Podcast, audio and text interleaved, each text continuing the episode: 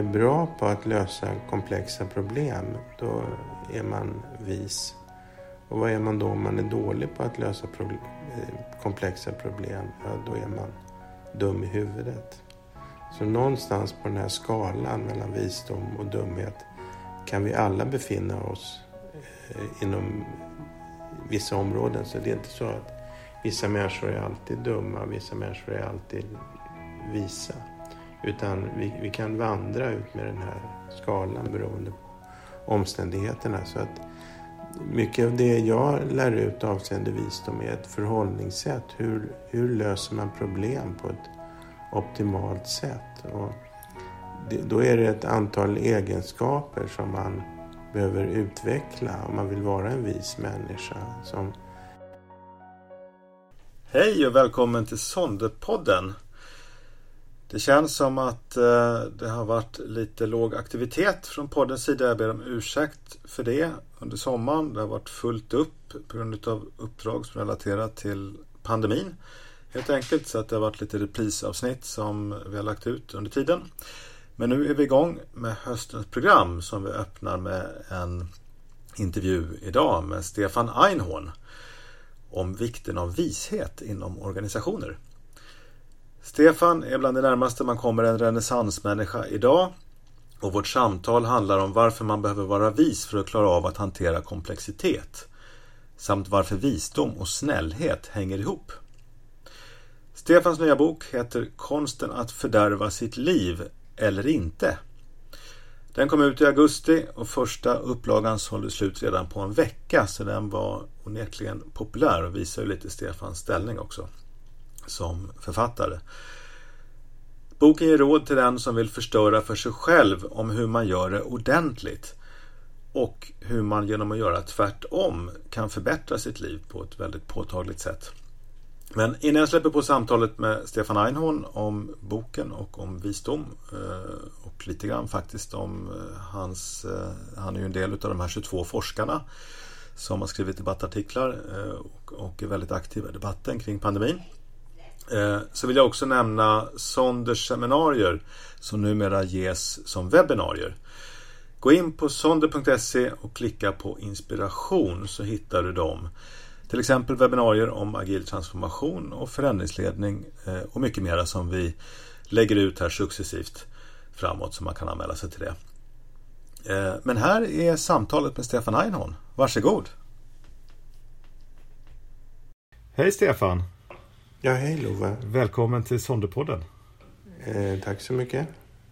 Nu gör vi en podd på distans och eh, jag tänker att det funkar bra ändå. Normalt sett gör vi den här podden i samma rum men med tanke på pandemisituationen så kör vi lite mer social distansering. Ja, men eftersom vi har Zoom så kan vi ju titta på varandra samtidigt och det är ju alltid en fördel. Det funkar, precis. Så vi testar det.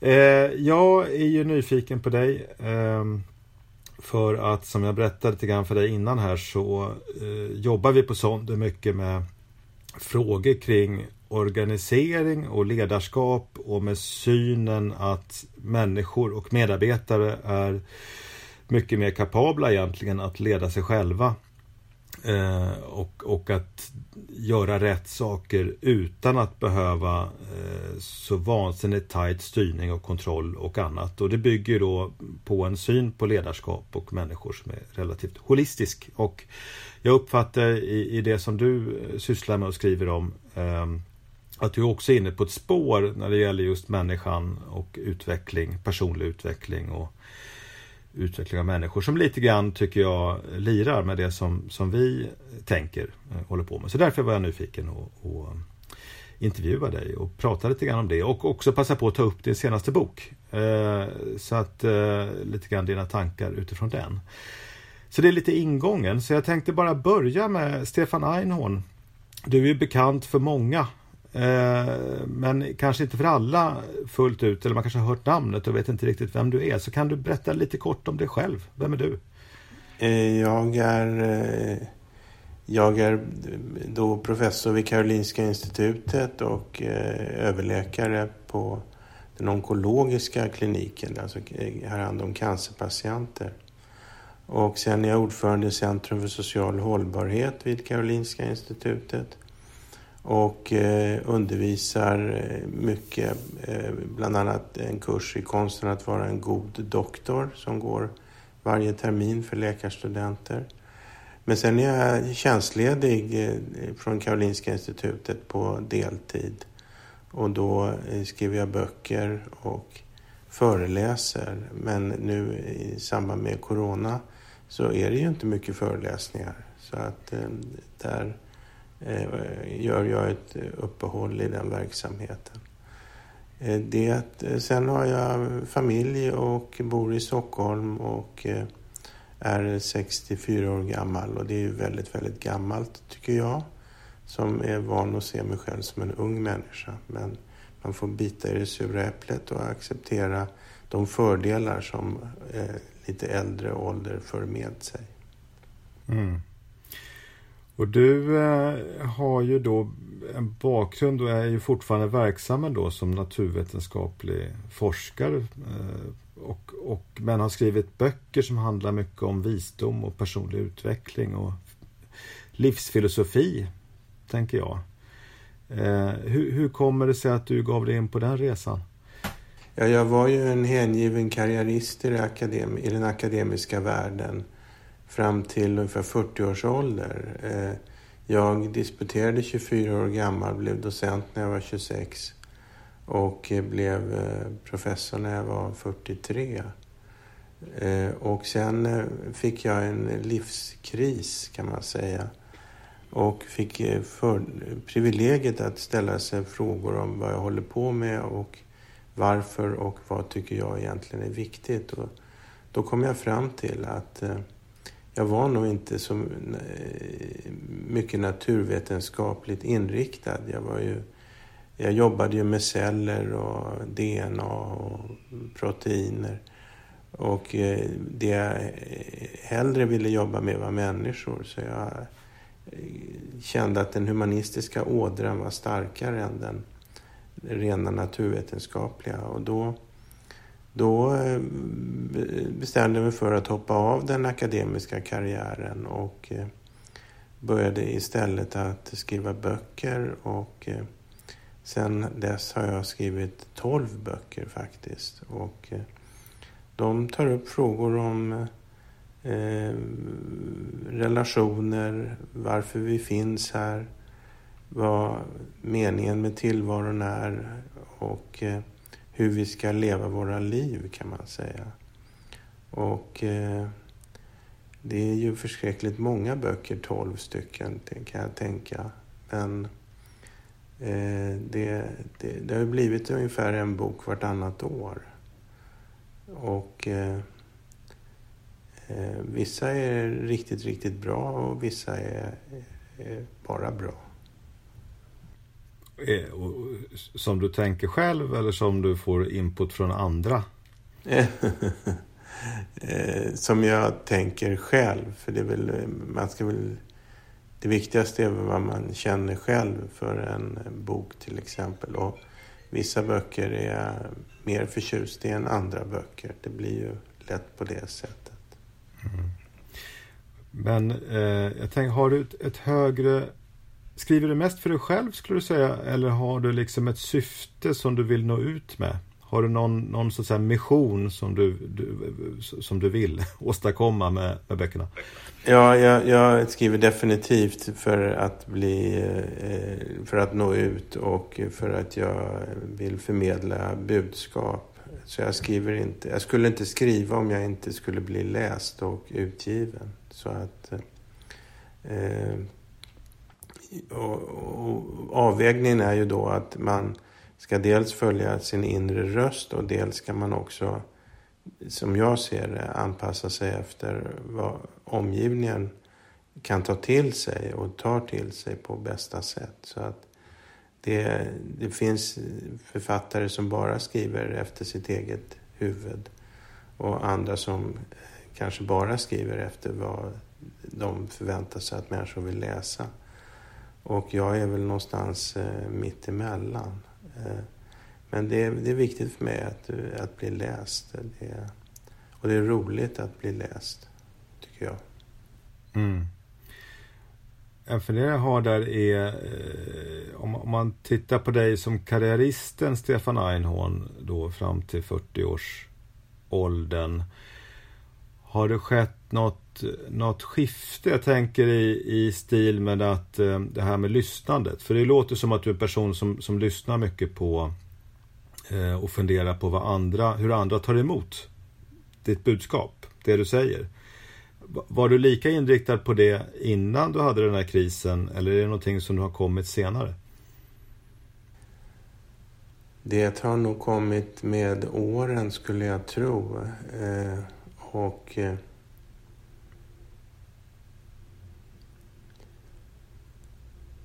det, det, är ju så här att eh, man, man, på sätt och vis är jag ju fortfarande karriärist, eh, jag, jag, fast inom ett annat område. Men det, det, är inte lika viktigt för mig som det var när jag var yngre att, eh, att, att göra karriär. För då, då hade jag inte hoppat av den här naturvetenskapliga karriären. Jag, jag var ju tämligen framgångsrik. Jag hade en grupp på 15-16 personer. Och, hade precis blivit professor och hade precis blivit institutionschef. Så skulle jag bara bry mig om karriären så skulle jag ju naturligtvis ha stannat kvar. Och det var ju så här i efterförloppet så måste man ju säga att det var lite tokigt eh, att jag gav mig på det här nya spåret. För att jag visste ju inte om jag skulle kunna skriva bra böcker och jag visste inte om jag skulle bli läst. Jag visste inte om jag skulle få föreläsaruppdrag. Och till min stora glädje så, så gick det bra även i, den här nya, i det här nya karriärspåret. Mm. Ja, det får man verkligen säga. Du, du berättade nyss att du hade sålt slut den här senaste boken på en vecka.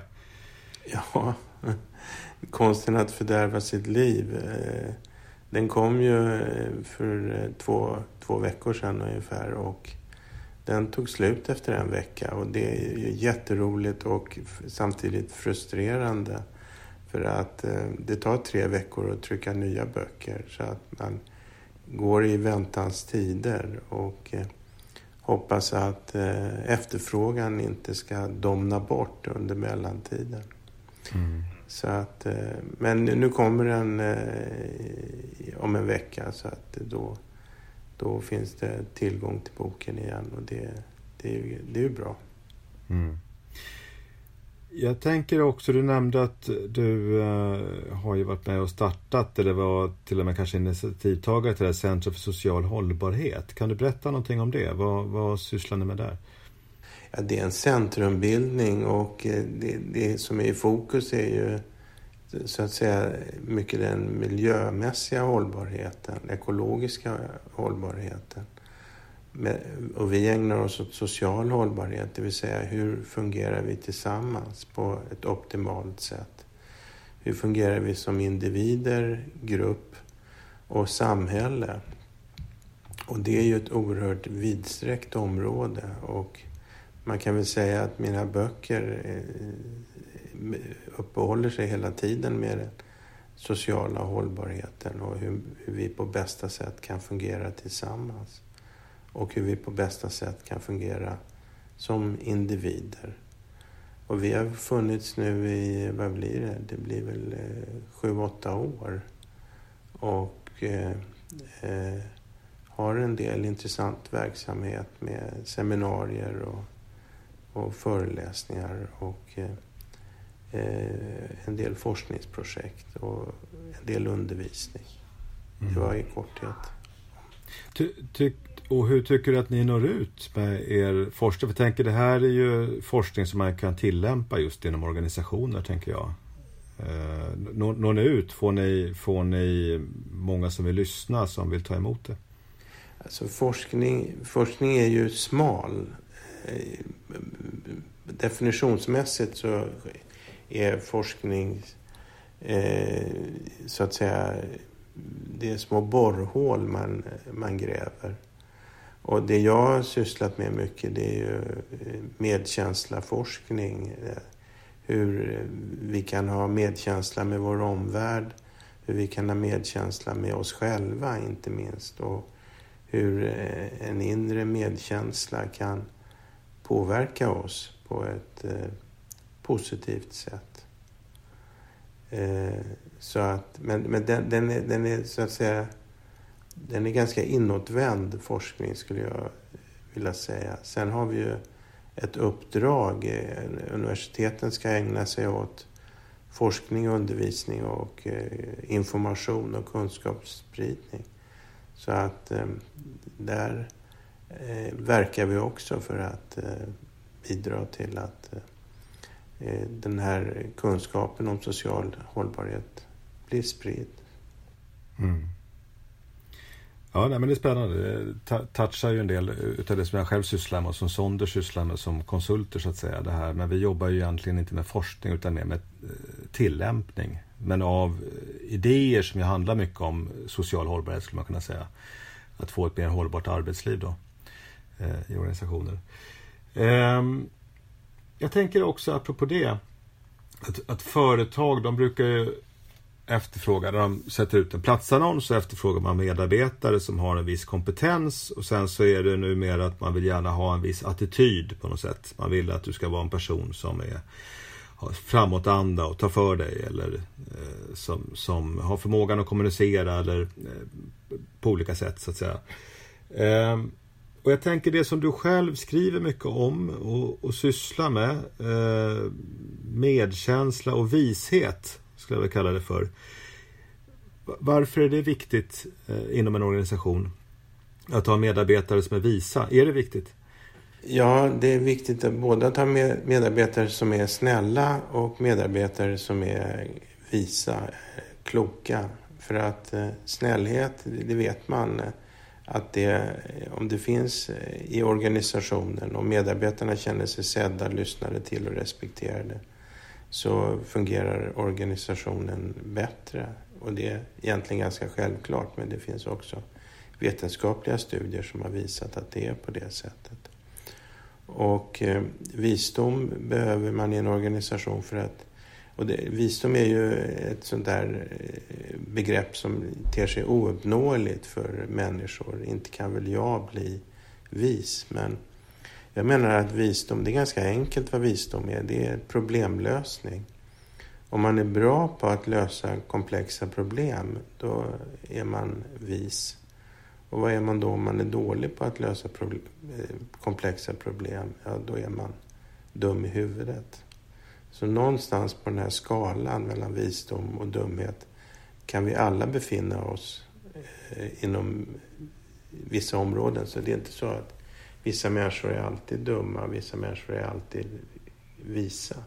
Utan vi, vi kan vandra ut med den här skalan beroende på omständigheterna. Så att mycket av det jag lär ut avseende visdom är ett förhållningssätt. Hur, hur löser man problem på ett optimalt sätt? Och det, då är det ett antal egenskaper som man behöver utveckla om man vill vara en vis människa. Som empati, för att empati handlar om att förstå andra individer. Och förstår vi inte hur en annan individ tänker och känner, ja då, då blir vårt förhållningssätt fyrkantigt gentemot den personen. En annan egenskap vi behöver är ödmjukhet. Och eh, man kan säga att visdom är inte att kunna allting eller veta allting, utan visdom är att veta vad man vet och veta vad man inte vet. Och den ödmjukheten är oerhört viktig. Och en annan egenskap vi behöver är att förmågan att fråga till råds. Så när vi står där vid, på gränsen till vår, vad vi eh, klarar av, då, då, då vet vi att det är dags att fråga någon till råds. Och människor drar sig väldigt mycket för att fråga till råds. För man känner själv att man krymper. Man tror att man krymper och den andra växer. Men i verkligheten är att fråga till råds ett sätt som båda växer på och ett sätt som eh, båda alltså gagnas av. Och ytterligare en egenskap är kreativitet. Det är oerhört viktigt att man eh, i en organisation har ett kreativt tänkande. Och då undrar folk, vad är kreativitet då? Ja, och då säger jag, Kreativitet är att hitta nya lösningar på problem. Det är kreativitet. Så vare sig det handlar om konstnärskap eller författarskap eller att vara en chef eller medarbetare i en organisation så är kreativitet att hitta nya lösningar. Och där är vi väldigt, väldigt eh, eh, lata skulle jag vilja säga, eller omedvetna. För att i regel när man ställs inför ett problem så väljer man den minst dåliga lösningen av de lösningar som finns till hands. Och det är väldigt, väldigt ovanligt att man sätter sig ner och ägnar några minuter, bara några minuter, åt att försöka se om man kan hitta en ännu bättre lösning. Så om vi gjorde det eh, några gånger per dag när vi ställs inför problem så skulle vi dels lösa problem bättre och dels skulle vi växa i, i visdom. Och en, en egenskap till ska jag ta upp eh, och, och det, det, är faktiskt att visdom definitionsmässigt är kopplat till godhet och snällhet.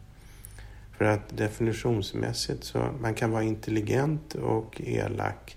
Man kan vara smart och eh, eh, otrevlig.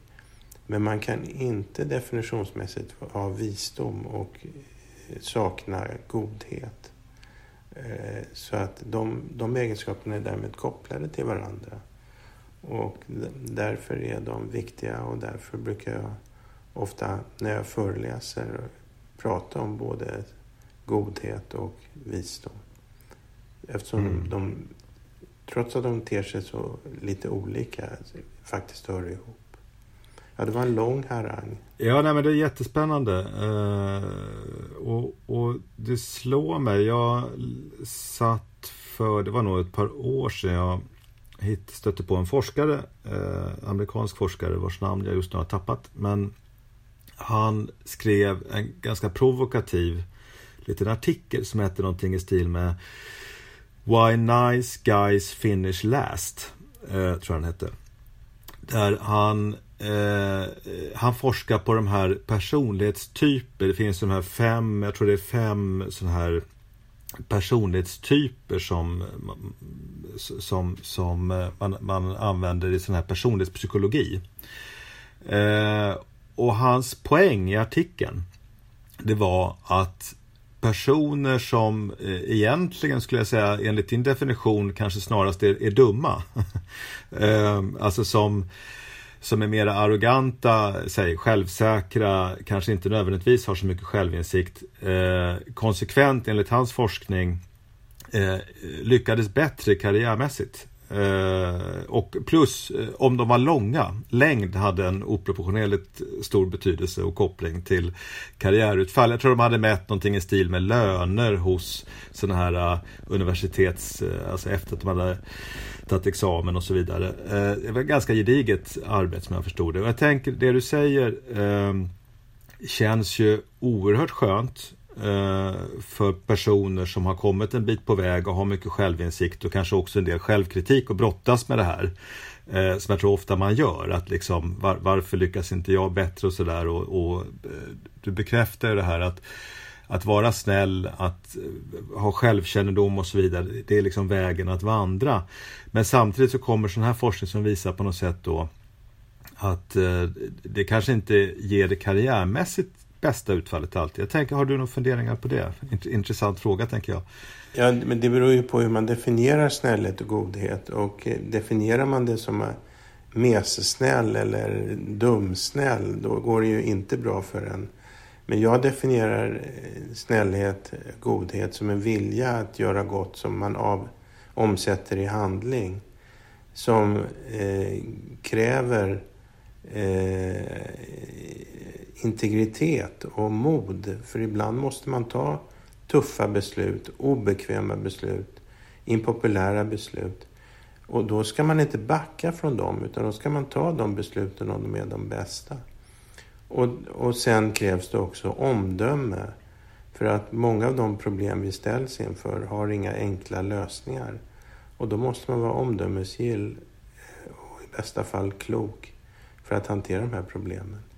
Så, och jag tror att den definitionen på snällhet, godhet skiljer sig från den här författaren som väl snarare handlar om att vara mes-snäll eller dumsnäll.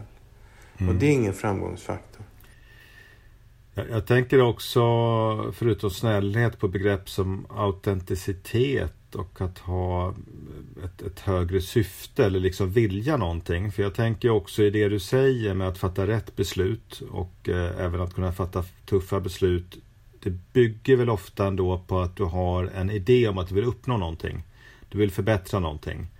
Någonting utöver dig själv. Alltså att man kanske inte har ett ego som liksom tar allt utrymme och som gör att jag agerar enbart utifrån mitt snäva egenintresse. Alltså, jag tänker att det låter som en komponent också i, i att vara snäll eller vara vis. Det är ju visat i undersökningar eh, att, att ha en, ett högre syfte med sitt arbete påverkar det i positiv riktning. Eh, det innebär alltså att det som driver oss är ju i regel inte lönen eller pengarna utan att vi får jobba självständigt och att vi jobbar för något, ett högre mål än bara oss själva. Och sen eh, en annan viktig faktor är ju att man utvecklas på sin, inom sitt arbete, att man får möjlighet att växa. Och eh, eh om de faktorerna finns på plats då, då, eh, då fungerar eh, individen bra och eh, gruppen bra. Du ser glad ut när jag säger det här. Stämmer ja, det med ja. vad du själv tänker? Ja men absolut, men det stämmer ju mycket med vad jag tänker. Um, och det är väl också kanske en faktor, jag tänker på självkännedom, att man vill ju alltid få bekräfta sina egna uh, om man säger, förutfattade meningar. det finns ju också kanske risk i det, jag vet inte. Nej, men det är väl ingen risk så länge man tar till sig det motsatta. Det som säger emot ens egna uppfattningar. Men det har vi ju desto svårare med. Mm. Eh, och det är ju det som gör att människor har olika åsikter. Att man bygger på åsikterna med eh, argument som stöder dem. Men man bortser ifrån argument som inte instämmer i de uppfattningarna. Och det är naturligtvis inte bra, men det är en mänsklig svaghet som är tämligen generell. Ehm, jag tänker ehm, i, din senaste bok eh, Konsten att fördärva ditt liv eller inte så vänder du lite på perspektivet här. och ger råd om hur man kan göra för att skaffa ovänner och misslyckas med relationer med mera. Och jag funderar på varför tog du det greppet? Varför ville du visa hur man ska fördärva sitt liv. För jag tyckte det var roligt faktiskt. Och det var, en, var en väldigt rolig bok att skriva också. För att eh, vad jag säger är att vi har en tendens att eh, snubbla fram genom tillvaron och sätta kroppen för oss själva. Vi har egenskaper som gör att vi ibland uppträder destruktivt. Och då eh, säger jag så här att ska man göra något ska man göra det ordentligt. Så här, här är en bok som verkligen talar om för eh, en var hur man bär sig åt för att sabotera sitt eget liv. Eh, och sen säger jag, men sen säger jag så här att men vill man leva ett bra liv, ja då gör man bara precis tvärtom. Bra va? Mm. Och sen skriver jag också eh, varje kapitel om hur man kan förändras.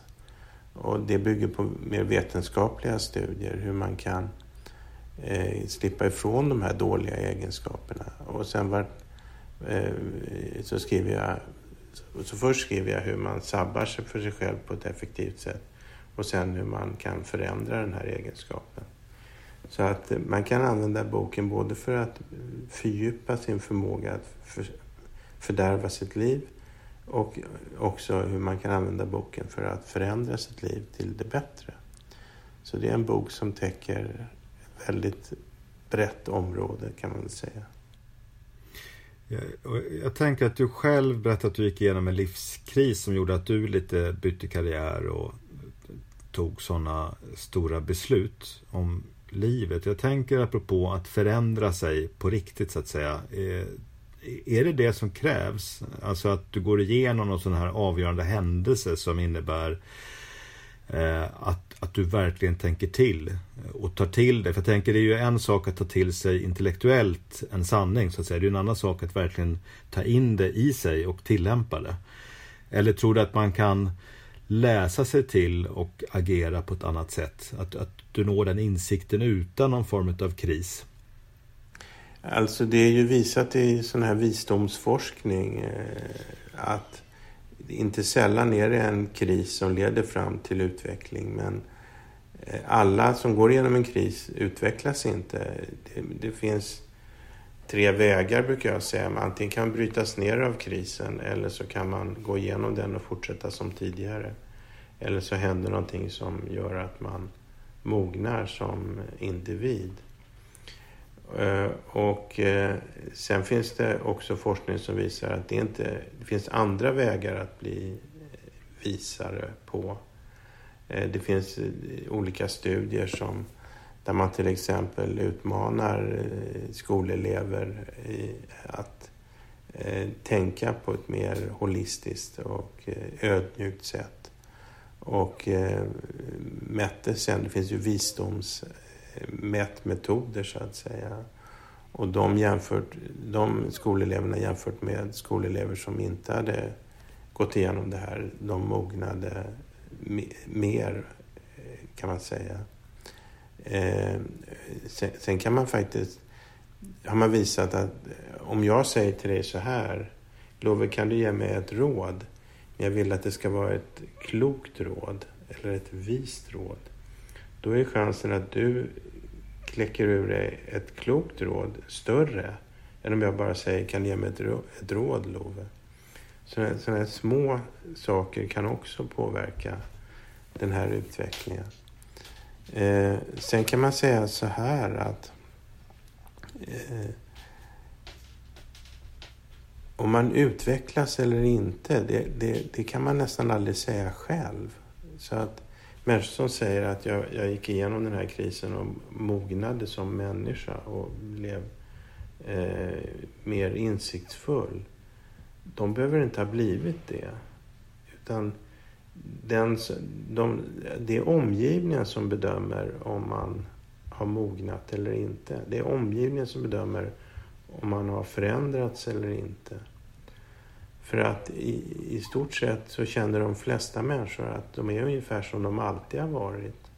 Så känner jag till exempel. Jag känner, så här har det väl alltid varit. Mm. Och eh, därmed blir det väldigt svårt att egentligen säga om man har mognat och blivit en visare människa för egen del. Utan det är omgivningen som märker skillnaden. Men du Stefan, jag tänker då, eh, en del som lyssnar på den här podden är av typen chefer eller liksom de har någon sån befattning inom ofta lite större organisationer. Har du något, något vist råd?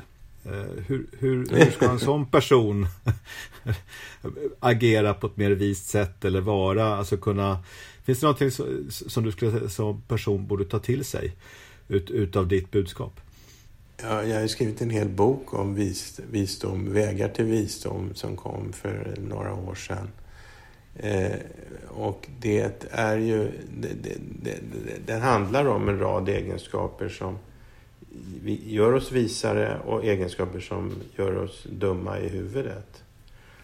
Och om jag bara ska ta... Och, och utvecklar man de här positiva egenskaperna så blir man visare. Om man lär sig att hantera sina mörka sidor så blir man också visare. Om, man säger, om jag tar ett exempel, om, om alla chefer i hela Sverige skulle ställa sig frågan, är jag prestigefull? Och svarade ärligt på den frågan och sen gjorde någonting åt det, så skulle väldigt mycket vara vunnet. För att prestige är ett exempel på en egenskap som vi snubblar på hela tiden när man sätter sin egen stolthet eh, och sin egen framgång framför omgivningen och eh, framför eh, det, bästa beslutet. Så att det, det, är ett exempel som man skulle kunna tänka på.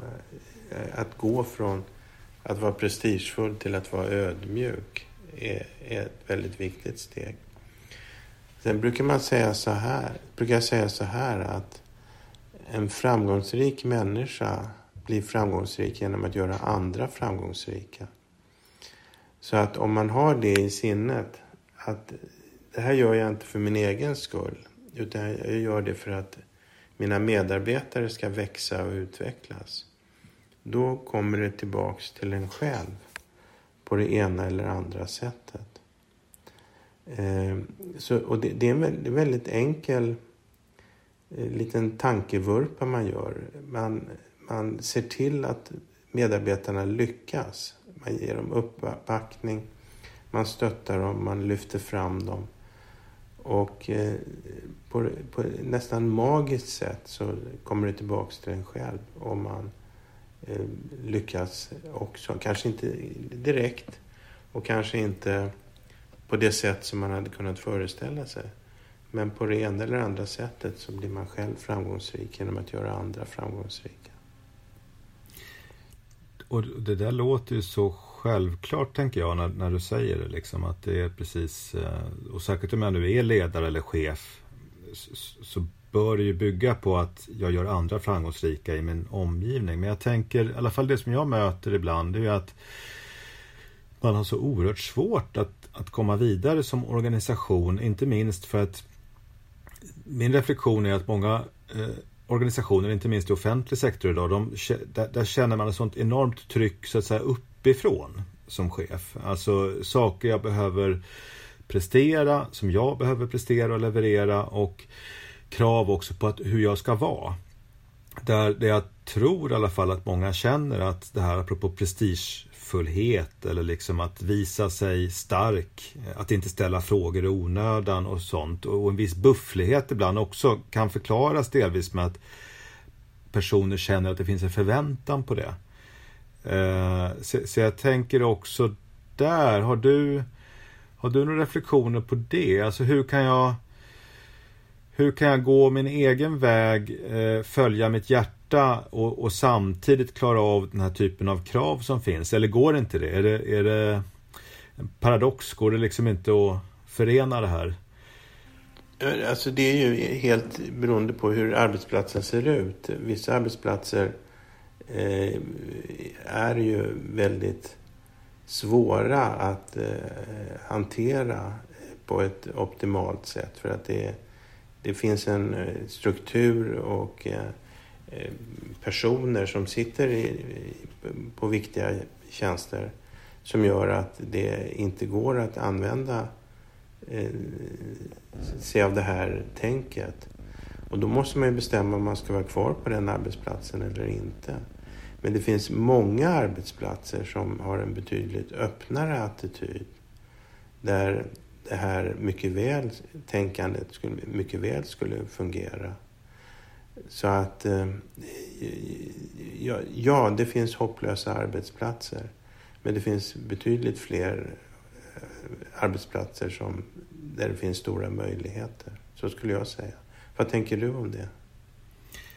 Ja, men det är väl lite det jag ser också. Ehm, och också kanske att ehm, man behöver vara lite modig. eh, om man är chef speciellt tror jag. Och, och för att min, min reflektion är att många som blir chefer de har varit väldigt duktiga på att anpassa sig efter omgivningsförväntningar. Och att det, det är det som gör att man gör karriär någonstans. Att man är duktig på att läsa av vad som förväntas och att se till att jobba på det och fokusera på de sakerna som man ser är viktigast som efterfrågas. Mm. Eh, och det jag ser också är att jag tycker mig se äldre chefer har ofta en, de har nått den här nivån där de inte längre har det här behovet av eh, samma prestige och kanske också har blivit skickligare på att se var går gränserna? Hur stort handlingsutrymme har jag? För jag tror att många uppfattar nog att man har ett mindre handlingsutrymme än vad man egentligen har. Så jag tror att det är väl lite så också, att man skapar själv lite grann det handlingsutrymme man, man får så att säga. Det, det, det, det är någon jag tror att, att, att kanske för många människor sätter lite på sig en tvångströja och, och känner att jag ska vara på ett visst sätt och liksom till punkt och pricka uppfylla de kraven. Och det, det är väl det jag tänker kring det. Eh, mm. Det här att våga vara självständig. Men sen är det ju så också att jag ser att det är tufft i, i näringslivet. Jag menar, jag tänker på en, en så framstående chef som Janne Karlsson som ju reformerade SAS på, på 80-talet, 90-talet. Han åkte ju på något sätt ut och det var ju många som tyckte att det var hans speciella stil som liksom stack ut och, och eh, liksom man, man lite skyllde misslyckanden på honom som person och att han avvek från normen. Så jag tror att många är skraja för att avvika från normen. Jag tror det finns en konformism i det här som, som är stor. Ja, förlåt. Nej, det var bara min tanke. Ja. Nej, nej alltså jag, jag, tycker att man ska vara anpasslig till en viss gräns. Absolut. Man ska inte bara gå efter sitt eget huvud. För att då går det inte speciellt bra. Man ska vara anpasslig till en viss gräns och leva upp till förväntningar som finns på arbetsplatsen. Eh, men sen ska man också följa sitt eget huvud och verka för det man tycker är bäst. Och, eh, men men eh, det, blir, det blir väldigt fyrkantigt om man alltid ska följa sin egen linje. Och det blir fyrkantigt när man alltid ska anpassa sig. Så att där finns det en gyllene medelväg som eh, stavas framgång. Mm. Om man följer den. Och eh, eh, alltså man, man, ska inte slåss mot eh, väderkvarnar. Man, man, om, man, om man ser någonting eh, om man ser någonting som man tycker är mindre bra så ska man inte alltid ge sig på det direkt och försöka få en ändring till stånd omedelbart. Utan man ska nog försöka vara lite klok istället och se, och se hur kan jag påverka det här på lite sikt. Mm. Bra, det låter, sant, det låter vist skulle jag säga. Ehm, jag, jag, tänker också en annan fråga jag har till dig. Det är det, det, finns ju en upplevelse hos många eh, att vi befinner oss i en väldigt stor transformation just nu utav hela samhället och näringslivet. Eh, på grund av till exempel digitaliseringen och att det är en ökande komplexitet och en ökande förändringstakt och så vidare. Eh, så att jag, jag tänker, hur, hur ser du att ledarskap påverkas av den utvecklingen, av den transformationen? Om du nu tycker att det är en transformation som sker. Jag skulle inte säga, jag skulle inte säga att det påverkas dramatiskt. Det, naturligtvis kräver det en omställning. Men samtidigt så handlar ledarskap om mänskliga relationer i stor utsträckning. Hur man bemöter sina medmänniskor. Och i det avseendet så ser jag ingen skillnad, eh, större skillnad i och med digitaliseringen. Det, det är samma värderingar som bör påverka oss idag som, som tidigare. Mm. Och om och, när det kommer till frågan om liksom självinsikt, vishet eh, och det här du lite grann har pläderat för i dina böcker. Ser du att det finns delar av samhället och, eller organisationer där det behövs mer?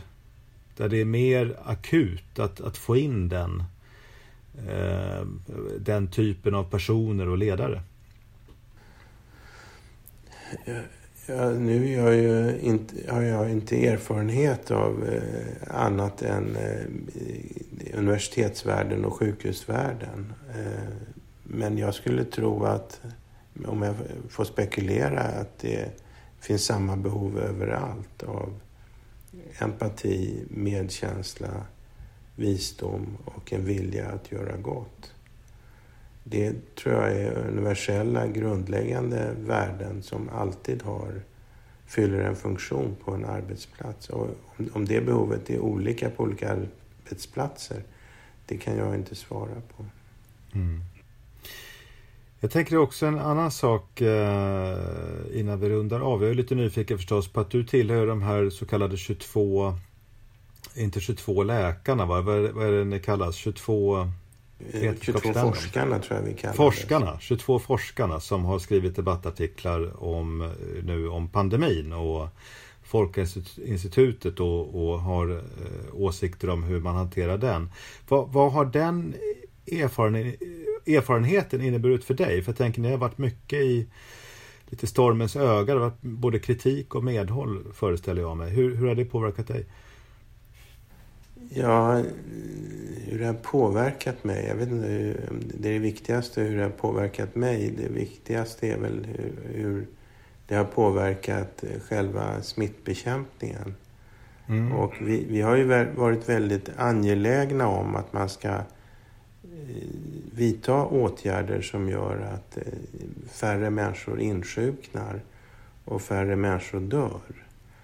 Eh, och det, det, är ju så att vi har ju en dold problematik för att vi har ju de som är långtidsskadade av viruset som har överlevt men som ändå kommer att vara handikappade under lång tid, kanske eh, hela livet.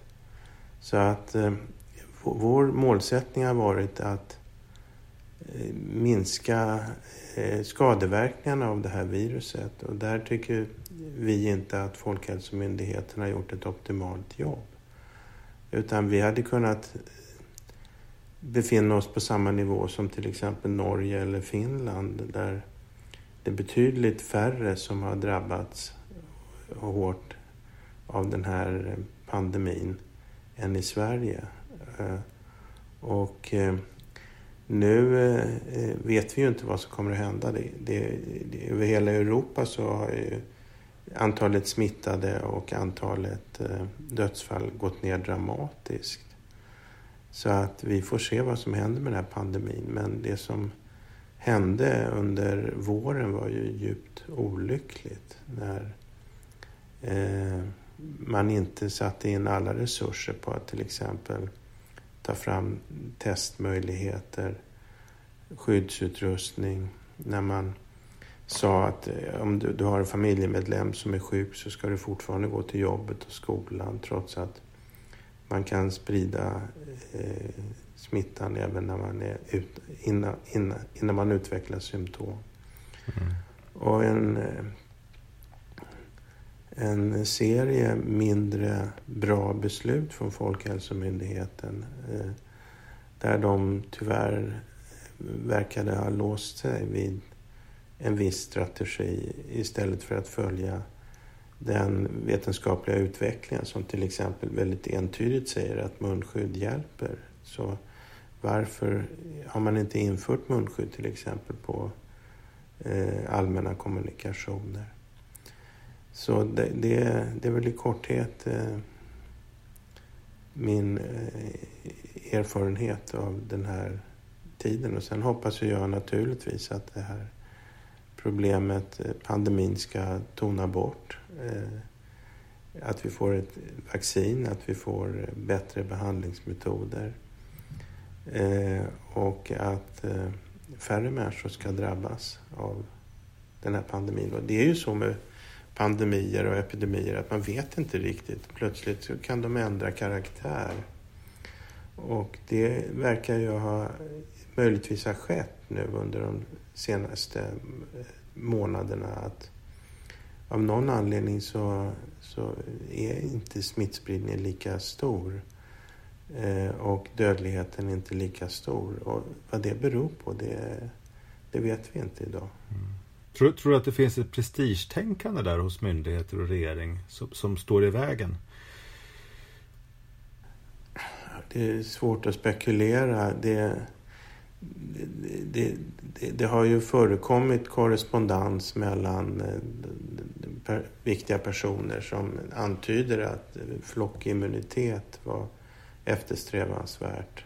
Eh, Eh, att man alltså siktade på att en, eh, en del av befolkningen skulle bli smittade och främst då yngre individer och därmed skulle man uppnå en immunitet i samhället som skyddade de äldre och de med risk, eh, som tillhörde riskgrupper. Det här har ju förnekats ihärdigt av Folkhälsomyndigheten och det andra alternativet är ju någon form av prestigelåsning. Att, det här, att man har låst sig vid att det här är vad som gäller. Man ska inte använda munskydd. Man smittar inte när man inte har symptom, vilket ju också är helt fel. Eh, och att man inte har kunnat eh, förmått släppa det här prestigetänket. Det är den andra möjligheten. Men jag vet, jag vet faktiskt inte vad det är som har gjort att det inte har blivit så bra som det hade kunnat blivit. Mm.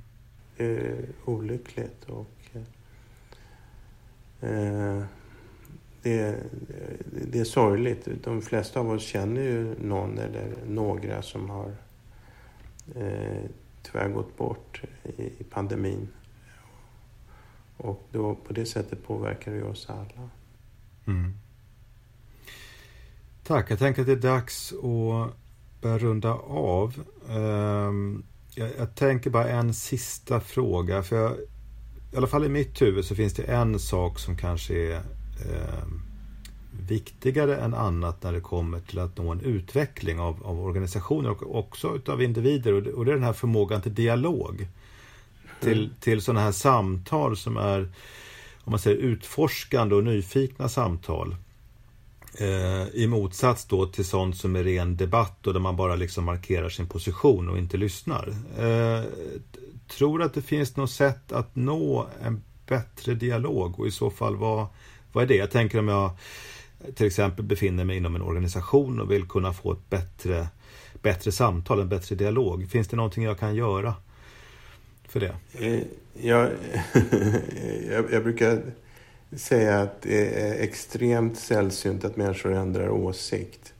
Min dröm är att man i ett stort debattprogram i tv till exempel, att någon säger Ja, du, det var ett väldigt bra argument det där. Jag tror faktiskt jag ändrar åsikt i den här frågan. Det har så vitt jag vet aldrig skett och kommer väl aldrig att ske heller. Men Eh, jag tycker det, jag brukar uppmuntra människor att, och säga att människor som ändrar åsikt har all min respekt. För att vi sitter ofta fast i ett paradigm och har väldigt svårt att ändra oss. Och det, det är en styrka att kunna ifrågasätta sina egna tankar, sina egna åsikter, sina egna ideal. Och det tycker jag att man bör uppmuntra i en organisation. Tack! Och med det så tror jag att vi eh, har nått slutet på podden. Jag tackar dig så hemskt mycket Stefan för din tid. Tack själv. Eh, och eh, också för din bok som jag har hunnit läsa i alla fall merparten av. Kan varmt rekommendera. Den finns nog att beställa när podden läggs ut. Eh, så tack för det.